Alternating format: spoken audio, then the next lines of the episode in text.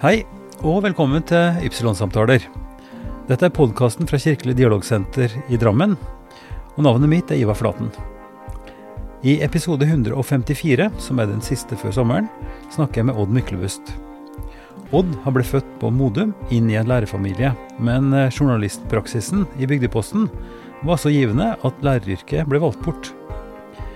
Fra 1988 til 2015 var Drammens Tidende arbeidsplassen hans, de siste åra som samfunnsredaktør. Nå jobber han for rådmannen i Drammen kommune.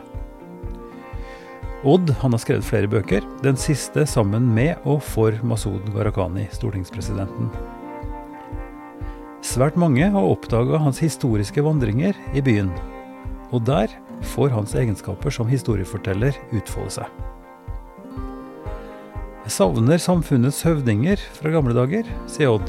Læreren og presten og lensmannen. En leder i avisa kan være en slik stemme. Og så er du enig eller uenig, naturligvis. Da er jeg veldig glad for å kunne ønske deg, Odd Myklebust, velkommen hit til stua mi. Selv takk. Veldig fint i varmen at du kunne ta deg tid, og du har hatt et eh, voldsomt kjør. Altså, du fortalte meg at du Hvor mange vielser var det? Åtte, ni, ti? Det var ni vielser nå på fredag. Eh, du går jo med hardt i næringa, skulle jeg si. Eh, flere vielser på én dag enn jeg hadde på et år, faktisk, da jeg var prest. Ja. Eh, nå er det sånn at de borgerlige vielsene som dette her, er jo, har jo en litt enklere hva skal vi si, ramme enn de kirkelige bryllupene. Men jeg har faktisk også via en, en, en sogneprest som gjerne ville gjøre begge steder. Ja. Så eh, det fins de også. Så det er, det er en enkel ramme, og, og hver vielse tar jo ikke mer enn eh, med fotografering og litt sånn, så tar det kanskje 20 minutter, opp mot en halv time. ja. Men eh, det er jo en eh, Folk skal jo føle denne høytideligheten. Mm. Eh, og vi har jo en ordentlig ramme rundt det. Og vi er også såpass heldige at vi har storstua i rådhuset, som er et ærverdig, fint, Ja. gammelt lokale. ja. Eh, og det, det gjør jo at rammen rundt det skal er bra, selv om det blir så mange som ni i løpet av en dag. ja. Det er jo høysesong nå på forsommeren. Det er det det er. Ja. Grunnen til at du vier folk, det er jo at du jobber hos ordføreren, eller rådmannen. Ja, for det er jo sånn at det er eh, det er jo ordfører som vier Mm. eh, etter loven. Mm. Eh, tidligere var det jo på tinghuset og dommere, men fra 2019 så er det ordfører. Så jeg stepper inn når ordfører ikke kan, for å si det sånn. Og Ja. hun har jo et travelt program som Mm. gjør at det stadig vekk på fredager så, så må jeg steppe inn som vigsler, og det syns jeg er stas. Ja, eh, og det vil jeg tro er både fordi at du er den du er, altså at du, du har eh, noen år på baken og litt erfaring og sånt, men samtidig så er det jo en interessant miks av politisk og administrativ linje. Altså fordi en kunne jo tenke seg at det er varaordfører kanskje, eller den linja som har det. Ja. Og normalt sett så er det også eh, varaordfører som, som, burde, som burde gjort det, holdt jeg på å si. Ja. Men dette er jo et fritt valg, og det er jo sånn at nåværende varaordfører ikke syns det er så veldig stas å vie, og dette er jo Ja, helt subjektivt. Ja. Mens jeg syns det er veldig hyggelig. Eh. Perfekt start på helga, pleier jeg å si. Ja. Sånn at eh, da, da blir arbeidsfordelingen sånn. Men eh, jeg må jo da skynde meg til å forklare at jeg er jo ikke en politisk rådgiver. Nei, sånn at jeg, jeg er ansatt hos rådmannen og ansatt i byråkratiet i Drammen kommune. Men jeg jobber jo tett på ordfører da, som uh, i det daglige. Ja, ja. Men politikk holder jeg meg unna. Ja, nei, men Det er interessant nettopp det der altså at det, det går faktisk an. Eh, at en ser hen til personlige egenskaper eller, eller evner eller lyst eller motivasjon og sånn, også at en ikke kjører For av og til får en jo inntrykk, sånn utenfra sett, da, at det er veldig veldig tette skott mellom politisk og administrativ funksjon i kommunen. Ja. At, at en er veldig forsiktig med å, å, å, skal vi si, tulle med det, eh, i anførselstegn, og, og også veldig forsiktig med å Eh, Altså det å få eh, administrativt folk ut til å kunne si noe om en, en politisk sak, er jo tilnærmet umulig. Faktisk også nedover i linja. Jeg vet ikke, jeg er ikke så glad for det egentlig, men jeg vet ikke, har du noen tanker om det? Ja, jeg har vel noen tanker om det, og det, jeg vet ikke om helt det samsvarer med min arbeidsgivers tanker, men Men Dette er, et, dette er et fritt forum, så her får du bare være Odd, tenker jeg.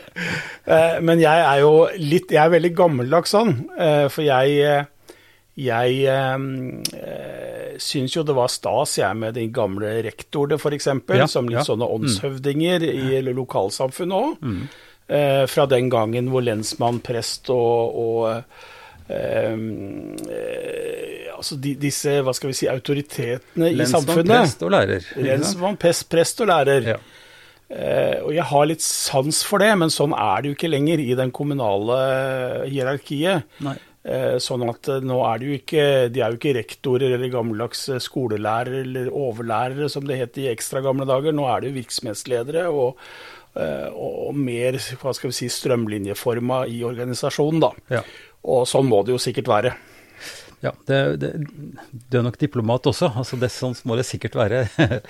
Eh, jeg- Dette her er jo interessant av flere årsaker, for din eh, bane, eller din, eh, skal vi si, din karriere, eh, har jo også eh, vært veldig på den andre sida, altså som eh, Nå snakkes det kanskje om forskjellige statsmakter, men, men media og den kritiske presse eh, og redaktørjobb i en lokalavis Mm. eh, er jo en slags vaktbikkje også. Ikke bare overfor politikere, men, men overfor administrasjon og, og det som skjer i samfunnet. Mm. Eh, og du var ganske mange år i, i den funksjonen. Jeg eh, var veldig mange år altså, eh, som redaktør i Drammens Tidende. Eh, samfunnsredaktør, som det het mens jeg var der. Eh, så ble jo det faktisk 15 år. Mhm. Og jeg, jeg var veldig bevisst på min rolle da. Det var nok en rolle som også gjorde at jeg hadde en viss makt, i hvert fall i den forstand at jeg kunne sette ting på dagsorden. Og eh, det la jeg merke til flere ganger. Eh, og den, den makta måtte en være seg absolutt bevisst. Eh, så, eh, så sånn sett så er det jo noe helt annet å være en, i byråkratiet. Eh, når det er sagt, så er det en tid for alt. Og jeg hadde da vært i pressen så lenge at jeg syns det var greit å skifte beite. Jeg har ikke savna det, altså. Nei, det er ganske rart det der. Jeg tror jeg, tror jeg deler den erfaringa at en kan være veldig oppslukt og, og veldig aktiv og interessert og produktiv i en jobb, men når en går over til noe annet, så har det sin egen dynamikk og sin egen Altså da må du jobbe med det, slik at å se seg tilbake liksom og være sånn nostalgisk i forhold til tidligere jobb, det Ja. har jeg heller faktisk ikke vært plaga av, men det høres ikke så ut som du heller. eh, Nei, og det, det, det er veldig rare, for at Drammens Tidende var jo en veldig, hva skal vi si eh, Altså, det var en, en, en tid hvor eh, Drammens Tide var en nær venn, for å si det sånn, nesten. Altså, fordi at jeg jobba jo ekstremt mye i perioder. Ja. Mm. Eh, Men jeg har ikke vært der, faktisk innom Drammens Tidende etter at jeg slutta der. Eh, Og det er nå så lenge tilbake som i 2015. Ja. Og det er overhodet ikke fordi jeg har noen negative følelser overfor Drammens Tidende, tvert imot. Men det er bare sånn at når jeg legger ting bak meg, så legger jeg ting Ja, bak meg. ja. Og, og ser framover og, og de utfordringene som ligger foran, istedenfor Mm. å dvele ved det som en har forlatt. Men skulle vi bruke anledninga nå når det er gått såpass mange år, da, eh, til å kunne snakke litt om, om presse og om, om lokalavisens funksjon? Mm. Fordi eh, som aktør i samfunnet, for min egen del, ikke sant, så har jeg jo hatt et litt annet forhold til avisa enn det du hadde da du jobba der. Mm. Eh, der, der avisa blir oppfatta, og i hvert fall for noen år tilbake, oppfatta som, som et veldig viktig talerør, og som en viktig arena for å kunne få fram saker og ting. Mm. Ikke sant? Det å, å eh, noe, altså, meninger eh, og så videre, men også eh, få en følelse av at, at avisa også er med på på en måte dynamikken i samfunnet og kan bidra til å støtte opp eller, Mm. eller pushe eller ikke sant? Og som aktivist, da, som jeg kanskje til en viss grad er, så, så har jeg mange ganger vært eh, både litt fortvilt og, Mm. og, og kanskje til og med litt sinna over mangel på, på det engasjementet fra pressa. Mm. Eh, og det, jeg anta at det ser helt annerledes ut ifra redaktørposten. Eh, hvordan tenkte du, eller hvordan jobba du eh, og avisa når du satt som redaktør i forhold til alle disse gærningene som ønsker å komme på? ja. Um, hva skal jeg si om det? Det, det er eh, Jeg var av og til litt fortvilt, for det, men det gjelder særlig Det er jo enkelte mennesker som på død og liv skal ha siste ord, ikke sant? Og som, som ikke, ikke gir seg, og hevder det samme om og om og om igjen. Eh, og så må du på et eller annet tidspunkt si stopp. Og så roper jo disse menneskene sensur med en gang. Eh, og det er faktisk tror jeg, en, en, veldig verdi i de redaktørstyrte mediene. At det er faktisk fornuftige mennesker som eh, sier at eh, nå er alt sagt i denne saken. Mm. Eh, det du nå gjør, er bare å, å, å gjenta deg selv, ja. og ergo så sier vi stopp nå. Ja. Eh, og det er en det er jo en, noe vi å si, ikke ser i de sosiale mediene. Mm. Hvor det er på mange måter fri flyt. Fordi det er ingen redaktører som sier at nok er nok. Men sosiale medier i 2015 og før det var ikke så påtrengende som nå? Nei, det var ikke det. Og vi så nok en helt annen uh, jeg, jeg, kan i hvert fall veldig godt huske at vi så for oss f.eks. Nå, nå er det snart valgkamp igjen, eller det er vel valgkamp at liksom valgkampen kom til å bli, utspille seg i sosiale medier. Snakka vi om at Facebook kom til å bli den store talestolen. Mm. Der skulle alle politikere være. Mm. Eh, sånn er det jo ikke blitt. Eh, og jeg ser på meg, meg sjøl, og det er at eh, jeg har, et, eh, jeg har nok et kjøligere forhold. Jeg er ikke så aktiv lenger på sosiale medier. Jeg ser jo at det er en debatt som veldig ofte er forsøpla. Og til og med ganske farlig, fordi at det er et sånt ekkokammer for konspirasjonsteorier og, og, og direkte desinformasjon. Mm. Og, eh, og, det er et sted som ikke jeg vil være. Og det tror jeg du faktisk nå ser en del av. At uh, seriøse samfunnsaktører de vegrer seg litt for å ta del i denne, mm. uh, disse debattene. Altså. Mm. Så de, de, de, velger heller andre kanaler. Mm. Og på den måten så er jo det som vi da trodde skulle bli egentlig en styrke for demokratiet, egentlig blitt en svakhet. Ja, ja det er jeg helt enig i det. Samtidig så, så, så det var jo et håp, og det er jo fremdeles en plattform. ikke sant, At man Eh, og, og, kanskje er det sånn at det flytter seg litt ifra, ifra, ifra Facebook og, og, disse plattformene over til f.eks. podkastformatet, som vi sitter i nå. Mm. Altså hvor en, eh, Og gjennom YouTube kanskje òg.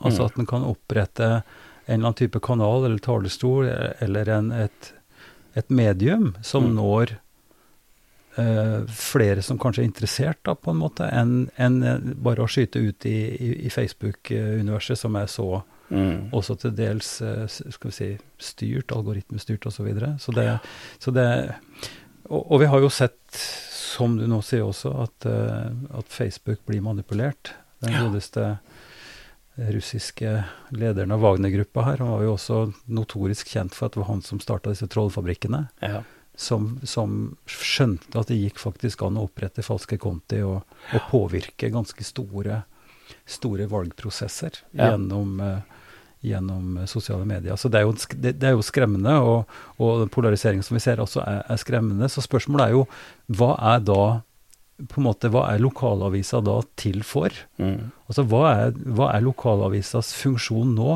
Og igjen da på avstand, for i og med at du ikke du har noen direkte rolle der. Men men Drammens Tidende var jo en sånn obligatorisk Altså en svært viktig arena for mm. å kunne delta i, i, i samfunnslivet. Og den, det er kanskje det fortsatt, jeg vet ikke. Men, men at det har skjedd en endring, mm. syns jeg i hvert fall.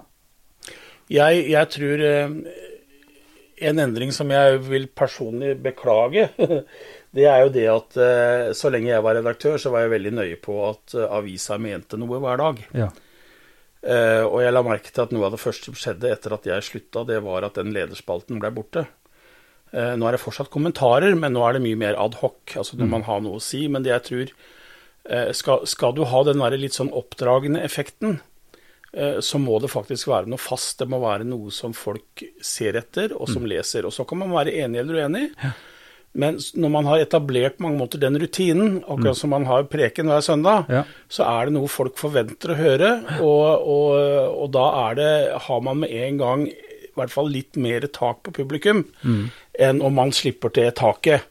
Uh, og jeg kan huske mange ganger at, uh, at uh, jeg kunne på den måten sette en dagsorden mm.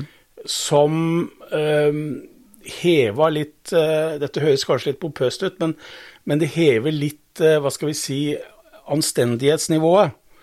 Eh, for eksempel så bare husker jeg veldig godt at det var, det var eh, den derre første bølgen av tiggerdebatt i Drammen. Ja. Mm -hmm. Som var ganske voldsom. Mm -hmm. Altså, det var det var forby dem, og det ble brukt ord om dem som ikke jeg kan gjenta her, fordi jeg ønsker å være et anstendig menneske. Mm. Eh, og det gikk på alt fra hygiene til eh, hvem disse menneskene var, hvor kriminelle de var, osv. Og, og, og, og det var en, det var en, det var eh, en, en, en støy som vedvarte litt over tid. Og da husker jeg at jeg skrev en leder hvor en lederartikkel hvor jeg tok utgangspunkt i disse 40 tiggerne, eller hva det var for noe. var, Og da har det akkurat kommet ut en rapport i Drammen som sa at det var 3500 fattige barn.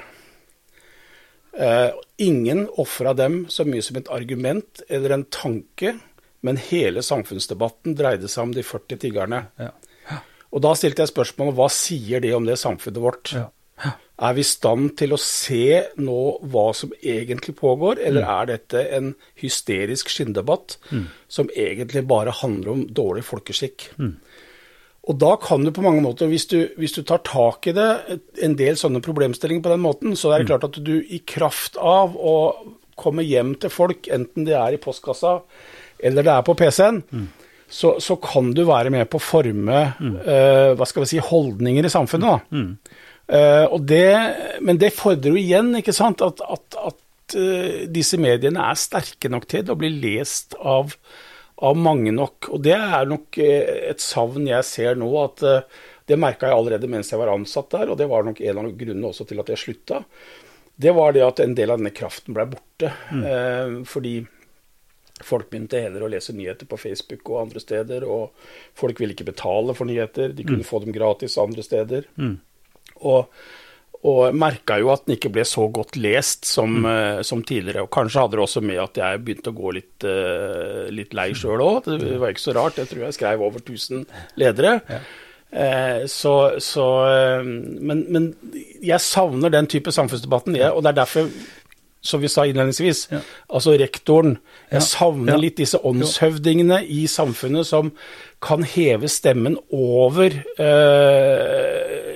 den derre ja, litt, litt, den derre eh, sutrete eh, og, og, destruktive samfunnsdebatten, ja. og peke litt vei videre hvor vi skal ja. gå hen. De, de, savner jeg. Altså det, det, det er jo den eh, altså En snakker litt sånn overfladisk om den voksne i rommet, eller altså den som tar tak, eller, eller setter ting på plass, osv. Som, som krever både så klart en moralsk, politisk og en en slags overordna tendens som ikke er partipolitisk eller sekterisk, men som, som tar på en måte sånn grunnleggende ansvar for fellesskapet. Mm. Litt sånn som en, så klart en ordfører har.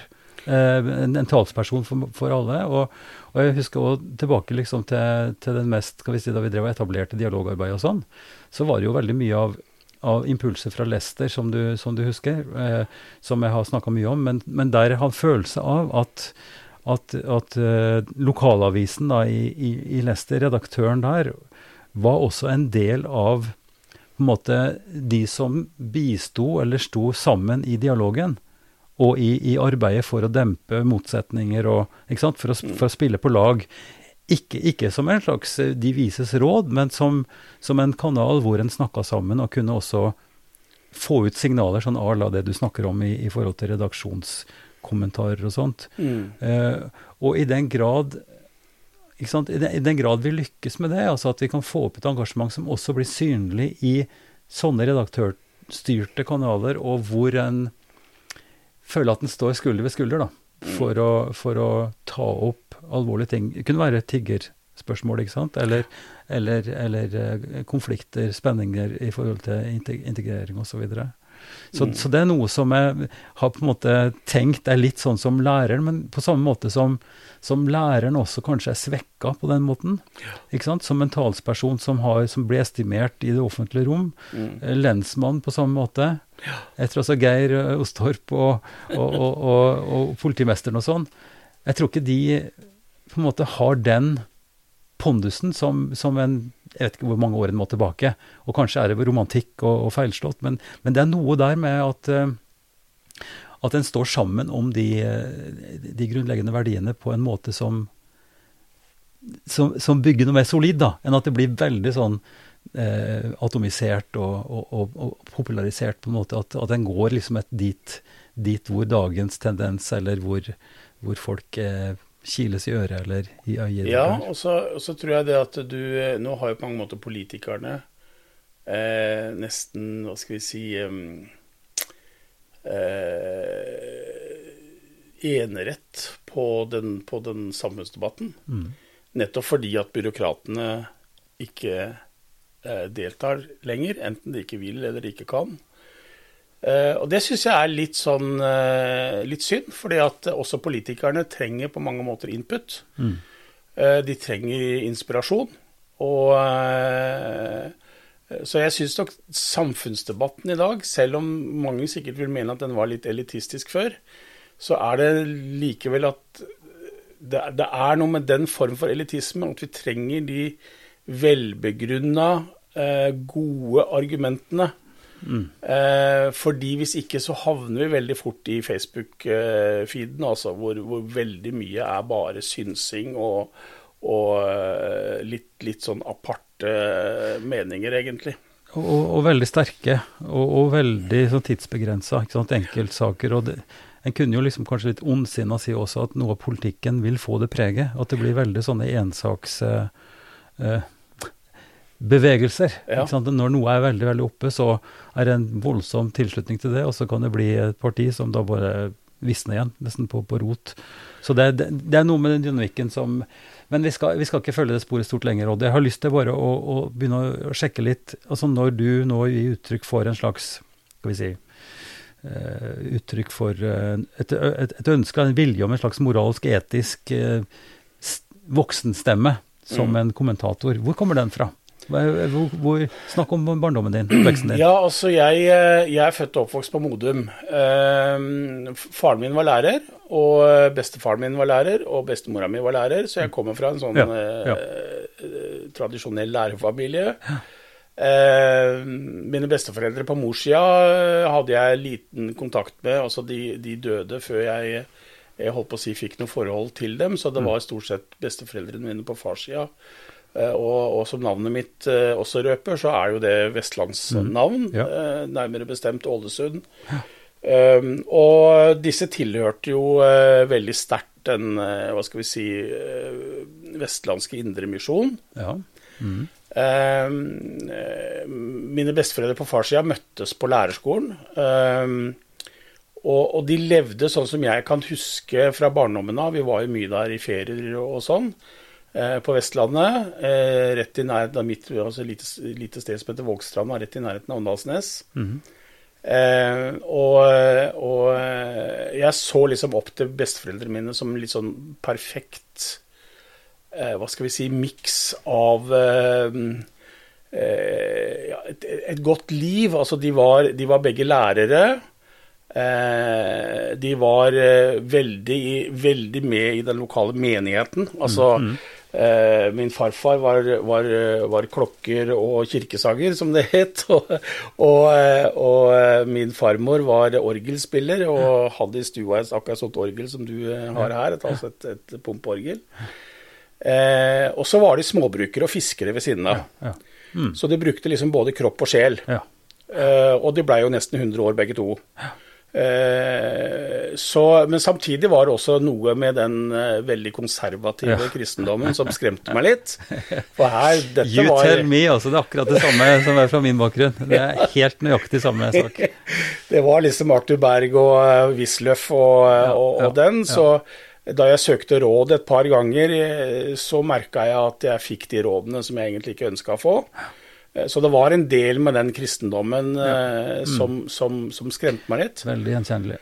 Um, og uh, nå ble jeg veldig privat her, uh, men jeg velger å fortelle det likevel. Men da min far døde, så fikk jeg da under begravelsen samme dag uh, så fikk jeg da beskjed om at jeg hadde en, en, en halvsøster mm. som vi ikke hadde visst om. Mm.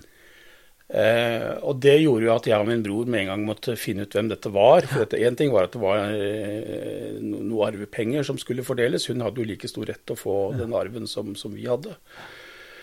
Og så ville vi jo høre litt eh, hva dette egentlig var for noe. Eh, men det var jo da et barn som, eh, som eh, min far og da hans kristne foreldre på mange måter ikke ville vite av. Eh, og de hadde, han hadde jo hele tida benekta farskapet. Noen som hadde kommet til ulykka, som det heter. I riktig. Ja. Eh, så reiste jeg opp og besøkte henne, og hun var jo som snytt ut av Hun ligna var jo omtrent prikk lik eh, min farmor, så det var jo liksom ikke så vanskelig å se opphavet. Eh, men, men det gjorde et veldig sterkt inntrykk, for da fikk jeg på mange måter bekreftelsen på den litt sånn dobbeltmoralen Ja. og den, mm. den eh, sida av eh, ja, Som jeg hadde eh, og, det var litt sånn sjokk for meg, for de hadde jo på mange måter vært veldig sterke forbilder for meg gjennom oppvoksten. Og da vi møtte henne, eh, hvordan hun ikke kunne være på bedehuset da, de, da mine foreldre var der, og, eh, da mine besteforeldre var der osv., det, var- det var sterke historier. Eh, og lenge, eller i hvert fall eh, noen år, så, så eh, gjorde dette at jeg blei nokså sånn Kanskje litt desillusjonert og litt sånn anti til dette miljøet. Eh, så har jeg vært veldig opptatt av okkupasjonshistorien. Ja. Og eh, der la jeg jo merke til at den generasjonen generelt fortalte ingenting. Nei. De var veldig tause Ja. om ting som var ubehagelig. Mm. Eh, og det merker jeg jo på hver av disse vandringene jeg nå har. Så, så, så er det er nesten ikke en gang hvor ikke det kommer folk bort til meg og sier at ja, men, ja, men min farfar, min farmor, de sa jo ingenting. Min onkel sa ingenting. Nei. Hvorfor sa de ingenting? De, så mye som de opplevde. Men dette var nok en generasjon som i veldig stor grad eh, skjøv det ubehagelige under teppet. Eh, og valgte å ikke snakke om det som en eller annen slags form for strategi. Eh, dette er jo også før både jeg håper å si, katastrofepsykiatrien og psykologiens tid. Ja. Så de trodde kanskje at det var en måte å, å eh, hva skal vi si, fortrenge, eh, skjerme. Jo, altså det, det er jo en veldig vennlig tolkning, syns jeg. Altså det du sier nå. Ikke sant? Da, da, du, da bruker du både din kunnskap og erfaring på, på et litt annet felt. Ja. Altså på traumebearbeidelse eller, eller sånt noe. Jeg tror nok dessverre, Odd, at eh, den skammen, eller den, på en måte det trykket av konvensjonell forståelse av hva som er mulig eller, eller riktig, og begrepet om, eh, om det å holde seg på riktig side av, eh, av samfunnet osv. Mm. det- Du er ikke den første som, som forteller sånne historier. Ja. Og at det der har noe med eh, konformitetspresset, som jeg tror kanskje vi også kan se veldig, veldig tydelig i innvandrermiljøet, en del av, av miljøene der, Mm. hvor, eh, hvor æresbegrep og skambegrep er veldig, veldig sterke, og styrer i en helt annen grad enn en det vi kan gjøre i et mer, skal vi si, et mer frilynt, sekulært, eh, avslappa, Mm. eh, på alle måter, samfunn. Mm. Sånn at du har nok helt sikkert rett i at det er en sånn generell taushet eh, som en kan si var mer kulturelt betinga, eller kanskje for oss mannfolk også som er en slags genetisk defekt, at vi snakker mindre om, om, om følelser og sånn, men, men at det også har et teologisk, eh, religiøst, eh, tradisjonelt eh, utgangspunkt. Det tror jeg må være helt, helt, helt klart. Ja. Dessverre. Dessverre. Mm. Så har du helt rett i det, altså. Eh, Jeg har nok prøvd litt sånne ulike måter å tenke på for å forstå det. For det, jeg syns det faktisk er veldig vanskelig å forstå. Eh, hvorfor man skal leve i den formen for Altså, de voksne, Det er jo i samme bygda her. Det er bygd på noen hundre mennesker, ikke Ja, sant? ja. Og du møter jo dette mennesket som du da på mange måter har skjøvet fra deg. Ja. Eh, og du ser at dette mennesket i tillegg begynner å bli mer og mer lik deg sjøl. Eh, og ikke vil du ha noe med det å gjøre. Ikke vil du engang strekke ut hånda og si Det er traumatisk, ikke sant. Det er jo, det er jo destruktivt og forferdelig vanskelig for alle Ja. parter. Ikke sant? Ja. Ikke sant? Så det, så det er jo et regime og en, en, en måte å leve på som, eh, som på så utrolig mange måter er skadelig. Men, et, men det har nok Altså, som lærer eh, det, på en måte det renommeet du har, altså den posisjonen du har som kirkesanger, som på en måte en slags eh, moralsk autoritet òg, ikke sant. Mm. Det å vise moralsk svakhet, på en måte, da, som om det skulle være det. Mm. Og, og ikke ta ting for eh, altså livets gang, og at ting skjer, eh, og bearbeide det. Altså det. Så det sier jo noe om eh, kanskje en type status og, og posisjonering og, og lagdeling. Ja. Eh, i samfunnet som, som, for oss er helt fremmed, Ja. men som er, var reelt og så sterkt at slike ting skjedde. ja. Det var ikke noe som folk ønska det der. Ikke i det hele tatt. Uh, og det, det har nok prega meg. Altså, jeg, jeg veit ikke om jeg kan si at jeg um, tilhører den som uh, uh, altså, Det var vel Arne Garborg en gang som skrev at eh, sannheten, sannheten, sannheten, om den så fører reint, reint lukt til helvete. Eh, og jeg veit ikke om det liksom er den der tanken om at sånn sannheten skal fram uansett, men, men uh, jeg hadde, var jo også fast bestemt på å bli lærer. Uh, nå ble jeg ikke det. Jeg, det var bare tilfeldig at jeg ble journalist, og det var den gangen hvor det var faktisk mulig å gå i journalistlære. eh, så jeg gjorde det, og trivdes så usedvanlig godt med det. At jeg er i dag glad for at jeg ikke blei filolog på, eh, i en eller annen videregående skole eller ungdomsskole eller hva det var, som jeg egentlig hadde tenkt å bli. For, fortell om læra. Eh, Når og hvor? Hvordan skjedde det? Du, det var, det var um, på Modum. Altså, jeg er født og oppvokst på Modum. Det var der faren min fikk lærepost. uh, da han eh, Og jeg er født der da i 1960. uh, og der var det litt av, og er fortsatt en liten lokalavis som heter Bygdeposten. Eh, som blei den gangen styrt av en, en ja, nokså eh, eh, bastant herremann som het Per Hovengen som hadde satt spor etter seg også nasjonalt, fordi det var han som regisserte det der såkalte kvinnekuppet tilbake i 67. Ja. Hvor han greide å, eh, gjennom eh, målretta retting av lister, greide da å få inn mange kvinner inn i kommunestyret. Først i, i, i Modum, da, men også i Asker, blant annet. Ja. Eh, Så, så han har en, en, en, sterk personlighet. Eh, og så lærte jeg mye av han eh, de første året, og så ble det enda en redaktør ansatt der som het eh, Odd Flattum, som var eh, både Den gangen så var han visepresident i Fotballforbundet, og han var, han var etter hvert ordfører også i Modum, så han, han spilte litt på flere knapper. Dette var etter videregående, eller? Dette er rett etter videregående. Ja. Mm. ja.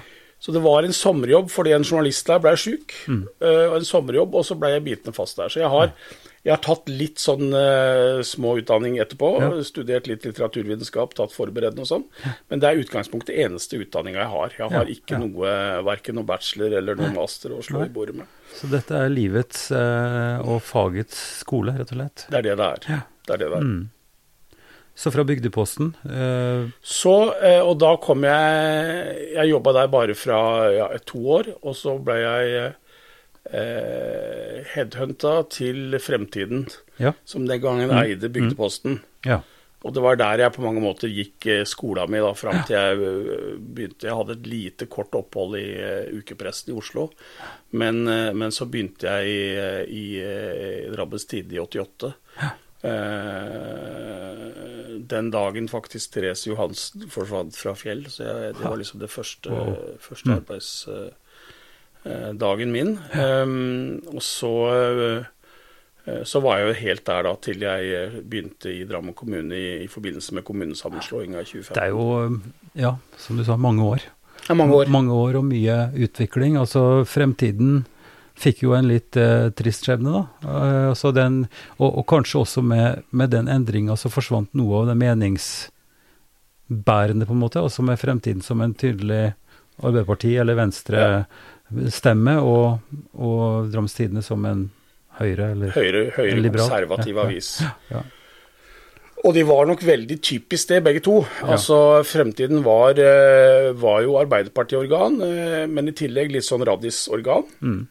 Kulturelt og på mange måter. Mm.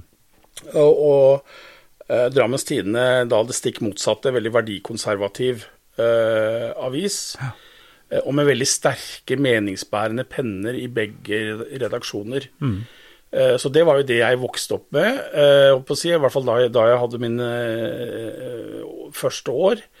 Eh, og det var nok eh, på mange måter eh, eh, Det var jo en tid også med veldig sånne sterke penner i norsk presse. Mm. Meningsdannende. Var- Dagbladet var jeg jo veldig Ja, ja, ja. eh, fascinert av. Um, fordi de hadde disse pennene som Mm. jeg hele tida forsøkte å eh, selvfølgelig ikke kopiere, men bli inspirert av. Uh, altså Det har jeg nok fortsatt med. Det Mm. er liksom den skolen, og det var penner som ønska å forandre. Mm.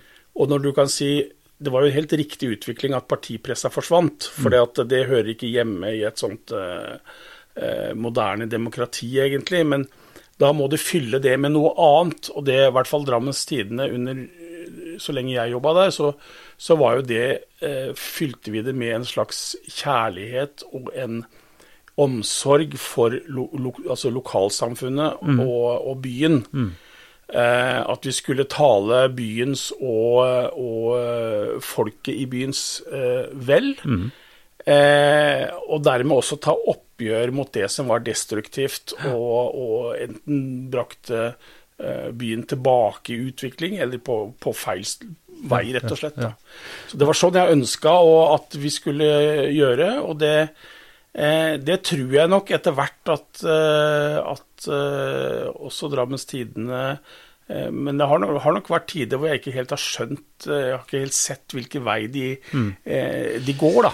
Hvis vi er litt nostalgiske igjen, da, hva, hva, var hva var styrken da, med, med de to polene, på en måte? Altså med Fremtiden og, og, og Drammens Tidende. Hva har vi mista eh, når den ikke lenger er der? Eh, det vi har eh, mista, det er nok eh, Jeg tror nok på mange måter politikken var bedre. I den forstand at eh, den var tydeligere for folk. Folk skjønte mer hva som ble diskutert, og folk, eh, folk var mer delaktige i, i de politiske prosessene. Nettopp fordi at avisene var så delaktige i den, og argumenterte både for og mot. Um, og så fikk du flere stemmer fordi at uh, avisa var på mange måter sin egen stemme, i tillegg til politikernes stemmer. Um, og derfor så, så, så er det nok ting som, er gått, som vi har mista underveis også, altså. Eh, altså, det, det, her- er ikke noe analyseprogram, men jeg syns det er interessant fordi en legger merke til eh, de tendensene som nå vi har vært inne på så vidt, altså med, med mobiltelefonen, med nyhetene som oppdateres eh, minutt for minutt i hånda på folk, eh, og hvor, hvor avisene nå også i de siste skal vi si, fire-fem åra har mestra altså Det er jo et mesterstykke å gå over fra en type annonsebasert til et abonnementsstyrt. altså til og med altså ikke til og med, men, men Drammens Tidende sier også at de har økt, ikke sant. Etter en dypp så, så har de nå økt eh, salg igjen av, av abonnementer. Eh, elektroniske, ikke sant. Digitale ab- abonnementer.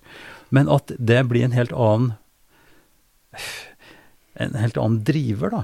Eh, når folk skal eh, skal vise at de er interessert ved at de klikker på, på nyheter. Det som var eh, skal vi si, tabloidenes styrke i gamle dager, Mm. med store overskrifter og bilder og sånt nå, har blitt eh, drivkraften, på en måte, eller motoren, på mange måter i, i nyhetsformidling eh, på en digital plattform. Og hva det gjør med, med behovet for analyse eller langsiktighet eller, eller samfunnsengasjement, det er, det er på en måte en bekymring jeg har. For jeg opplever at det er vanskeligere eh, å komme gjennom med stoff som ikke er klikkbart, eller som Mm. ikke har den driveren da, som er nødvendig. Det ser jeg jo er nødvendig for avisene for å kunne Mm. konkurrere. Så det ligger en slags eh, Og jeg vet ikke om dette er en riktig analyse, men det er bare en sånn magefølelse og en, en, og en voksende irritasjon på en måte med at, at det er mye vanskeligere å få fram ja, stoff som jeg har stått for sjøl, eller vært med på. ikke sant? Mm. både kirke, eh, hatt en stemme i, i det offentlige, prøvd å, å komme gjennom med slike ting. Og, og ikke minst altså det her med, ja, med dialog og samarbeid og, og de, de tinga som vi kanskje ikke har så Ikke sant. Det, det, er ikke, det er ikke så utrolig interessant, på en måte. Ikke sant?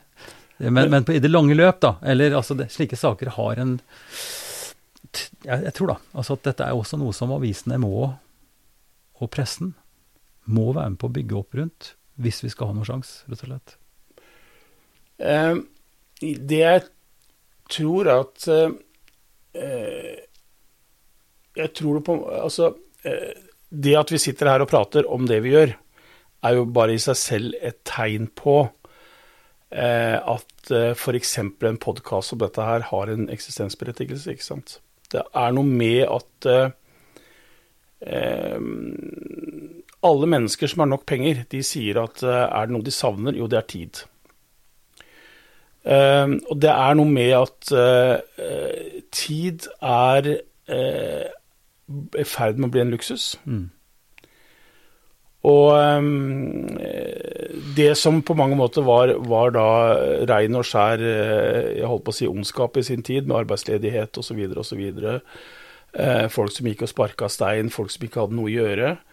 Uh, vi får etter hvert et samfunn som er så uh, Vi veit jo med oss sjøl også, såpass pressa på tid hele tiden at det er på mange måter tid som står for oss som det, som det mest verdifulle. Mm. Enten det er noe så enkelt som å sette seg ned og lese en bok, eller å tilbringe litt tid med familien, de nærmeste. Det oppleves som, som noe noe vi lengter etter.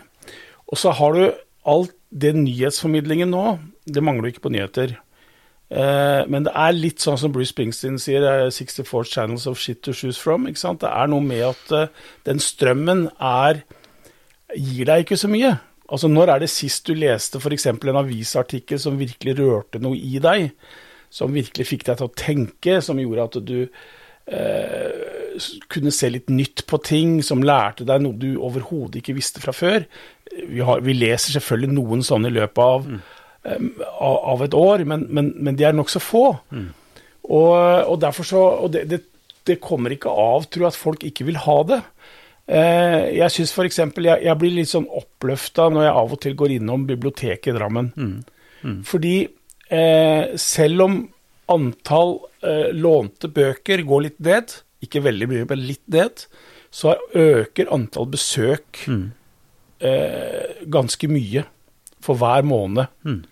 Og hva er det du ser der? Jo, det du ser der, det er i hvert fall slik jeg, mine øyne ser det, så er det langt på vei en, en perfekt integrasjon. Der møtes alle, alle aldre. Uh, der sitter folk i turban, og mm. der sitter folk i kjortler, og mm. der sitter bestemødre og ungdommer. og mm. Og de deler matpakker, og de snakker om ting. Mm. Eh, noen leser, noen gjør lekser, eh, noen studerer. Eh, men det er tydeligvis et helt sånt lavt Det koster ingenting å gå der. Mm. Det er et mm. helt lavterskeltilbud. Mm. mm. Eh, og folk har et veldig behov for å komme dit. Mm. Så behov at dette biblioteket som man snakka om for noen år siden, som var i ferd med å dø ut, man la det ned mm. på Fjell, på Konnerud. Eh, det var liksom ikke liv laga. Eh, men nå ser man jo plutselig at folk strømmer til bibliotekene som de aldri har gjort før. Og det sier litt om oss om tida, tror jeg. At, mm. at eh, det er mulig at mediene òg faktisk må forandre seg litt. Altså, det er en litt sånn besnærende tankegang, alt det der at du kan gjøre ting så enkelt og så lett. Eh, du kan skrive om små bulker og ulykker i Rosenkrantz-gata, men på et eller annet tidspunkt så vil publikum ha noe mer. Mm. Mm. Og, eh, og, det tror jeg vi ser tendenser til, altså. Ja, jeg deler den helt og fullt. Biblioteket er jo et mirakel av et sted, og, og, og der for sånne som, som meg og oss, da, som driver med formidling, altså med podkastsamtaler og sånt, så er jo det også veldig mye av det. De er flinke til å ta, ta imot og legge til rette for at det går an å ha livesamtaler og refleksjon der. Eh, og, og eh, en, en, institusjon sånn som Olavsfest i Trondheim, som er en, en veldig gammel og, og fin eh, festival, på en måte, mm. de siste ti åra så har jo det verbale eksplodert. Mm. Altså det at folk setter seg på en tribune, sitter en time og hører på en journalist som snakker med, med noen om et tema. Eh, og det utvikler seg mer og mer fra år til år. Altså at refleksjon, eller den litt lange tanken, eller samtalen om et tema, eh, søker folk inn til fordi at de vil være med på den, skal vi si, den refleksjonen og den muligheten til å lære noe nytt eller forstå ting på en mm. annen måte. Og det har nok òg noe med den formidlinga. Lange tekster, eh, bøker, eh, samtaler, langsomme samtaler. At det, at det er et format som gir noe annet enn disse øyeblikksbildene og kjappe overskrifter og, og, og, og morsomme ting. Ja. Det, det, er begge deler, men, men eh, det, det, blir veldig tynt da, når det blir bare den ene tingen. Eh, vi kunne fulgt det sporet resten av tida, men vi kan ikke det. Um, Odd, for du, du, er jo også en uh, langtekstmaker. uh, du, du, skrev uh, ledere og var redaktør osv. Men du har også skrevet bøker hele tida. Ja, jeg har det. Jeg har det. Eh, og ikke bare som din egen stemme, men òg andre stemme. Den siste boka jeg leste, det er jo, det er jo boka til Masud Ja. Gharahkhani. Eh, som jeg syns var utrolig spennende. Så klart fordi at det er en fascinerende historie, men, men også fordi at det var vevd inn så mye interessant drammenshistorie. Eh, det har jeg lyst til at du skal si litt om. Fordi, og det er også knytta litt til avisa, for så vidt. Mm. Vi kunne òg starta med Åsmund Olofsson Vinje, så klart. Mm. Mm. Eh, med Færaminni og, og han som journalist i Drammen, Mm. faktisk. Eh, Kan du fortelle litt om det? Eller Jeg har ikke spurt om det før, men, men Ja. dette fascinerer meg, For han var jo faktisk i Drammen her og Ja. skrev sine, sine litt innovative Mm. eh, Hvis vi kan snakke om, om journalistisk innovasjon, da. Eller gjøre en tekst i en avis til noe annet enn bare en sånn reportasje om eh, et eller annet som har skjedd. Ja. Så var jo han midt i prikket, ikke sant. Han, han, han miksa, øh, som nok den første journalisten i Norge, øh, en del subjektive oppfatninger. Hadde veldig skarp observasjonsevne, Mm. eh, som han kobla sammen med eh, ren reportasje, altså en forsøksvis objektiv skildring, og så var han til stede. Så det er denne miksen av å bruke eh, flere virkemidler samtidig, som, som gjør på mange måter eh, og Der er den helt moderne. Altså, mm. det er samme teknikk de bruker i New York Times i dag, altså, Mm. som han brukte ja, på 1860-tallet. Ja. Um, så så han, eh, han var jo en, en, en stor, stor journalist. Um, og det er jo møter som Bare for å snakke litt om meg sjøl, om dette med å skrive bøker, så, så syns jeg det er, det er veldig fascinerende den kombinasjonen av disse byvandringene jeg gjør. Ja. Eh, fordi der føler jeg jo at det er mye lettere å nå fram. Og det tror jeg også har litt med tida å gjøre. Fordi eh, det er mange som syns det er vanskelig å lese bøker. De syns det tar for lang tid. Jeg, det er ikke lenge siden jeg var i en bokhandel, og da var det en, en godt voksen mann som sto der, og så eh, så skulle han ha tips for han skulle kjøpe en bok til noen som han visste likte å lese, og så sier han bare det at eh, ja, men jeg, jeg klarer ikke å lese, jeg, sa han. Jeg har eh, aldri lest ei bok, for jeg, jeg, jeg greier ikke eh, konsentrasjonen. Og han var helt sikkert, du kunne nesten se det på nå, litt sånn stressa type, som var 100 jern i ilden, og har, har ikke den evnen, den kanskje muligheten også, til å roe seg ned og nå Nei, det nei. refleksjonsnivået som du må ha for å kunne lese ei bok. Eh, og det ser vi kanskje også på dette her, men når jeg sier i dag at antall lånte bøker går ned, så går jo antall lydbøker går jo veldig opp. ja. ja, Eh, For da kan folk gjøre noe annet samtidig. Yes. De kan sitte på toget, eller de Ja, kan sitte i bilen. Eh, eller de kan, eh, sånn som med meg, gå byvandringer. Ja. Eh, og så får de det inn ikke bare via øynene, men de får det inn gjennom ørene. Får fortalt. Du får, for, får ting fortalt. Mm. Og det er nok lettere for, for folk å, for, å forholde seg til, nettopp fordi at folk er ikke så vant til å lese lenger. Og det merker nok jeg også, eh, at eh, det er lettere å nå fram med budskapet når jeg forteller det til folk, eh, enn når jeg først skriver det og forventer at folk leser det. Eh, Men jeg tror, jeg tror nettopp det er det geniale her, altså at det er forskjellige og nye formater. Mm. Det er stadig vekk utvikling på sosiale mediefronten, ikke sant. Vi har alle disse forskjellige plattformene som ungdom elsker og tar i bruk og er kreative i og formidler i, som har mye dritt og forferdeligheter, men òg utrolig mye spennende, ikke sant. Samtidig som fortellerformatet, en god fortellerstemme i en bok. Altså for den som, den av oss da, og jeg og de som elsker bøker og som leser veldig mye, Holder nå forresten på å pløye gjennom hele Cormac McCartys eh, forfatterskap. Han døde jo her nå ja, nettopp. nylig, ja. Eh, et fabelaktig språk. Eh, og da er det jo stemmen, ikke sant? Stemmen. Det er den, det er den der eh, særegne greia som du husker når en, en person leser høyt for deg, Mm. så blir du helt sugd inn i det. Og da hører du ikke lenger stemmen til den som leser direkte, men du hører hva han sier, Mm. og du går inn i, i, i handlinga. Eh, og, og da er jo både filmmediet og, og romanen Mm. eh, veldig gode. Men fortellerstemmen når du går rundt i byen og, og formidler eh, skjebner og forteller om hvilke hus det var osv., så, videre, så er det akkurat det samme det handler om. Det handler om en formidling av noe stoff som betyr noe for fortelleren, og som da fascinerer den som hører på. Altså Det er en link der mellom fortellingen, fortelleren og tilhøreren, Ja. som er unik, og den oppnås på forskjellig vis i de forskjellige mediene. Ja. Men det mest originale og det mest grunnleggende er jo fortellerstemmen Ja. fysisk for noen. ja. Så du er tilbake på en måte helt til, til leirbålet, på en måte. Du er tilbake til leirbålet. Jeg, jeg må bare si at uh, da jeg første gangen jeg fikk hva skal vi si, ideen, tanken om dette med uh, vandringer uh, Det var Jeg var på besøk i Roma. Kona mi og jeg vi pleier ofte å reise på, til Roma. Og, og så var, hadde vi sett det meste. Så spurte vi bare på hotellet der om det var liksom noe spennende akkurat rundt der. Og så sier, sier hun i resepsjonen at det er en kirke rett ved siden av som jeg syns dere skal se, se på. For det er opp, egentlig opprinnelig ikke en kirke, det er et hus. Og så, eh, så gikk vi dit, og det, det Jeg blei helt eh, litt sånn slått ut. Fordi at eh, der var det som å være 2000 år tilbake. Mm. eh, det var en som heter Pudens, som hadde bodd der opprinnelig.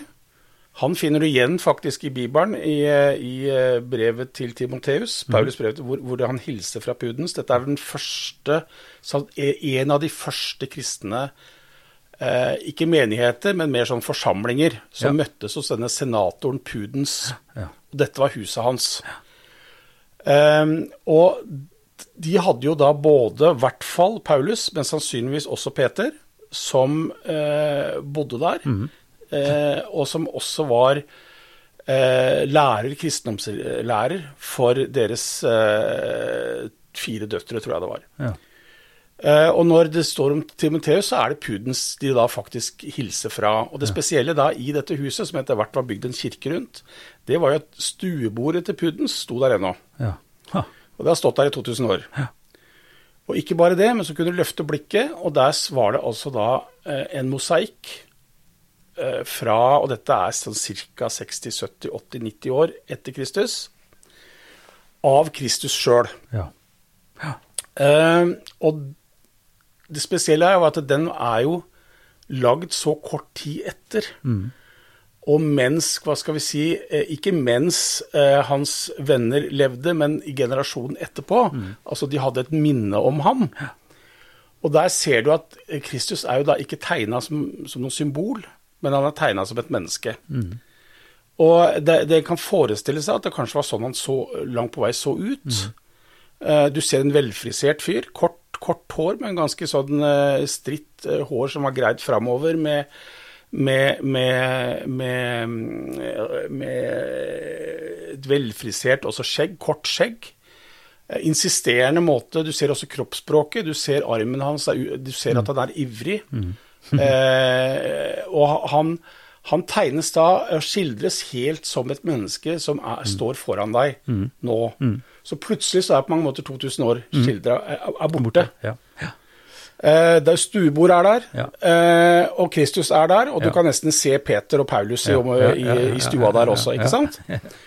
Og så tenker jeg at det er jo historie. Ja. Det er sånn historie Ja, ja. må fortelles. Fordi at uh, du må viske ut disse årene imellom, Ja. Og få dem levende til Ja, deg ja, her og nå. Ja. Det er da, da er det virkelig historie. Og det er tross alt, vi lever i så vanvittig krevende tider at det er nesten bare historien vår vi kan lære av eh, for å gjøre de rette tingene framover.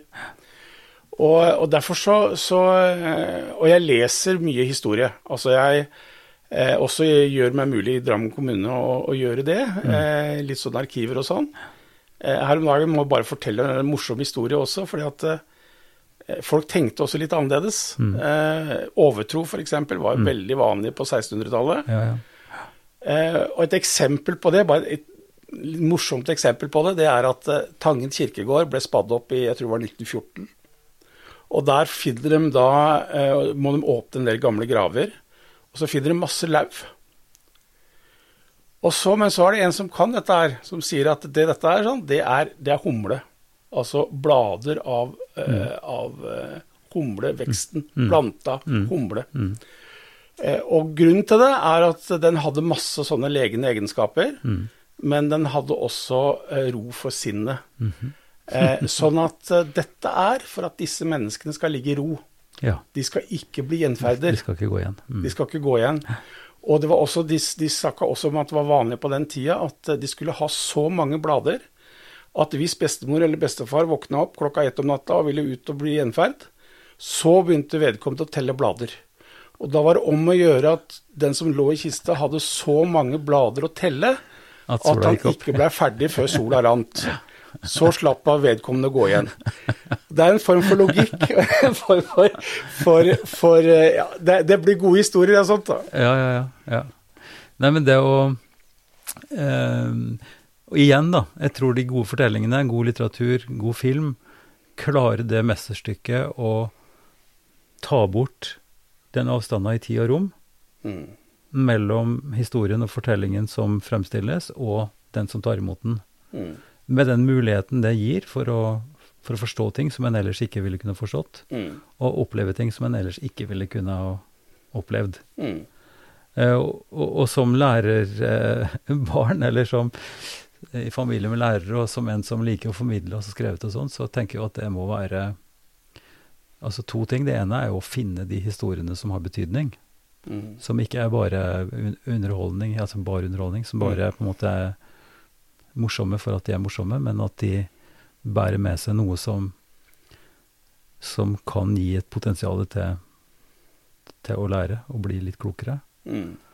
Um, og det er også noe som jeg syns, eh, bare for å gripe tilbake til den boka som du og Masud ga ut her i ja, det begynner å bli et år siden. Mm. Eh, der du skriver om Markus Trane, og du skriver også om, om oppstanden i, i mm. Drammen. Mm. Eh, hvor utrolig stor, sterk motsetning det var mm. mellom arbeidere og folk som uh, jobba på gulvet, og, og borgerklassen. Altså både når det gjaldt stemmerett og og alt dette her som vi har på en måte lært i boka, litt sånn kjedelig om stemmerettstidspunkt, og, og hvor vi ikke reflekterer så mye over det, men at, at folk mister livet, eh, og at det er liksom en kamp på, på kniven. Altså den historia der, eh, jeg må si det gjorde inntrykk på meg, og det gir også mening til en person som Masud, da, som, som har flykta, ikke sant, og som mm. eh, der talefrihet eller politikken og sånn har en ja, det er flere ting i boka som jeg kunne snakke om, men akkurat det der grepet med å bringe fram historia, Drammenshistoria, i, i litteraturen. Og det gjorde du der, og det har du gjort også i, i, i andre bøker du har skrevet om hjemmefronten, blant annet. Og, Ja. Jeg, jeg, er veldig opptatt av historien, fordi at den, den lærer oss så mye. Um, og jeg kunne også dratt det der lenger, fordi at det, det var sånn som Per Sivle uh, skrev den første arbeiderromanen i Norge, 'Streik'. Den var riktignok ikke så veldig bra, men, men, men, det handler jo fra dette samme streiken i, mm. i 1881. Uh, eh, og, og, og, så er det det at Drammen har Jeg syns ikke Drammen er spesielt god til å fortelle om sin egen sjel og sin egen historie. Drammen er veldig flink til å fortelle om byutvikling og hus og veier og, og altså det, det, det, det, eksterne, da. Det visuelle. Mm. Eh, men er mindre opptatt av å fortelle eh, om f.eks. personer da, som har betydd mye for Drammen. Markus mm. Tran er nevnt der. Mm. Eh, ta Betzy Kjelsberg, f.eks. Hva hun har betydd for norsk ikke bare norsk kvinnebevegelse, men det handler egentlig om likeverd og likestilling. Mm. Eh, og mange andre personer. Johan Halvorsen, ja, ja. Ja. Eh, som, som, folk altså Du har vel heldigvis fått Johan Halvorsen-festivalen takket være ekteparet Haug og Sternes, men, men, men, eh, alle har jo enten de vil eller ikke et forhold til, til uh, Johan Halvorsen. Altså Bojarens inntogsmarsj og, og Ønskekonserten har vært der siden 1950. Og hvert år nå så ser vi på uh, 'Reisen til julestjernen', som er komponert av Johan Halvorsen. ikke sant? Han har Jeg tror det norske folk faktisk hører mer på Johan Halvorsen enn de har hørt på Edvard Grieg, men de veit jeg er ikke klar over det. Eh, også, og han har en utrolig historie. Fattiggutten. altså Han hadde ingenting og endte opp som verdensstjerne. og det er en del veldig sånne spennende historier, spennende mennesker i Drammens historie, da, som uh, vi ikke er så flinke til å fortelle men, uh, altså Vi går mot slutten her. Det er jo ufattelig trist, men sånn er det bare. En time går veldig fort. Men er det et poeng, Eh, vi har jo sett i andre byer og sånn at, at skal vi åndshistorie, eller personhistoriene, sjelen, om du vil, til en by, basert på alle disse historiene og, og, og det som har skjedd bakover i historien, eh, at det har noe med å løfte fram hvem og hva Drammen er, da. Så jeg har prøvd å si noe om at uh, de siste åra, ikke bare siste åra, men det har jo vært in, in, integrasjon her, og det har vært til Folk har reist fra hele Europa og kommet hit med industribygging og disse store villaene som du har fortalt om. I, mm. så, så, det er jo en smeltedigel, sånn er det vel sikkert i de fleste byer. Men, men, men er, det et, eh, er det det du driver med, kanskje? Er det det som vi bør fortsette med? Altså det å løfte fram etablere på en måte de historiene, få de opp, få de fram, slik at det blir at det farger vår, altså både vår, de som bor her, sin oppfatning av byen, men også kunne vise det fram i en større målestokk. Altså det, det er et eller annet her som, som, er mer interessant enn akkurat bare skal vi si, den vakre Ypsilon og fasadene og den rene elva. Det er fint, det også, men mm. det, er noe, det er noe dypere og noe mer og noe annet som vi kanskje kan få en enda sterkere bevissthet til, eller få en større forståelse av de røttene som, eh, som eh, gir oss næring da her. Ja, for jeg, jeg tror vi, vi, savner litt disse eh, hva skal vi si, ledertypene, da, som, som kan gå litt foran, og, som, og, som, og, og disse har jo Drammen hatt, flere av. Så det å, å løfte de fram tror jeg er, er, er, veldig viktig for oss, fordi at de, de står jo for noe, har stått for noe. Og jeg er ikke Altså, det er veldig fint med å ha mennesker på sokkel, jeg protesterer ikke på det. Men, men, eh, det er jo gjerne ofte folk som har, uh, har, hatt mye penger og mye makt. Uh, men disse her vi snakker om her, Betzy Kjelsberg, Markus Trane, eh, Johan Halvorsen også, for den saks skyld. dette er jo folk som har prega oss sin samtid og åra etterpå. Hanna Vinsnes, ikke minst.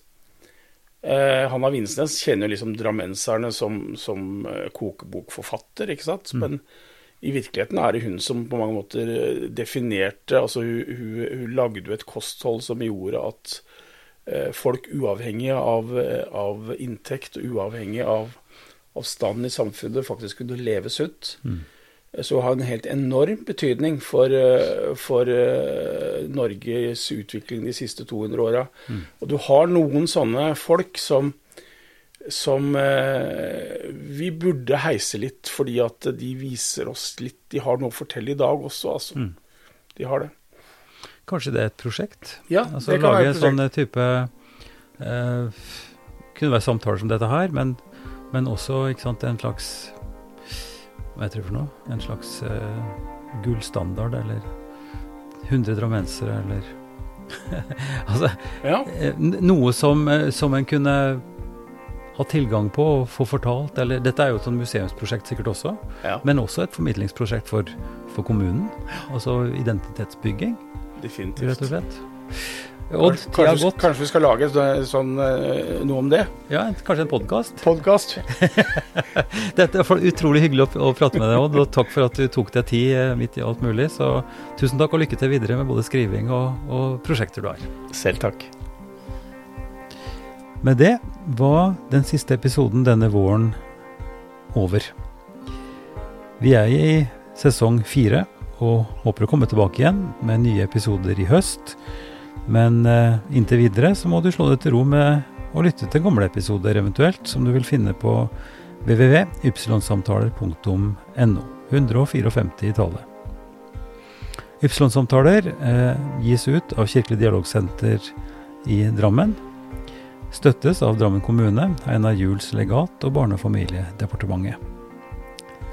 Takk for at du lytter, og velkommen igjen til seinere episoder. God sommer!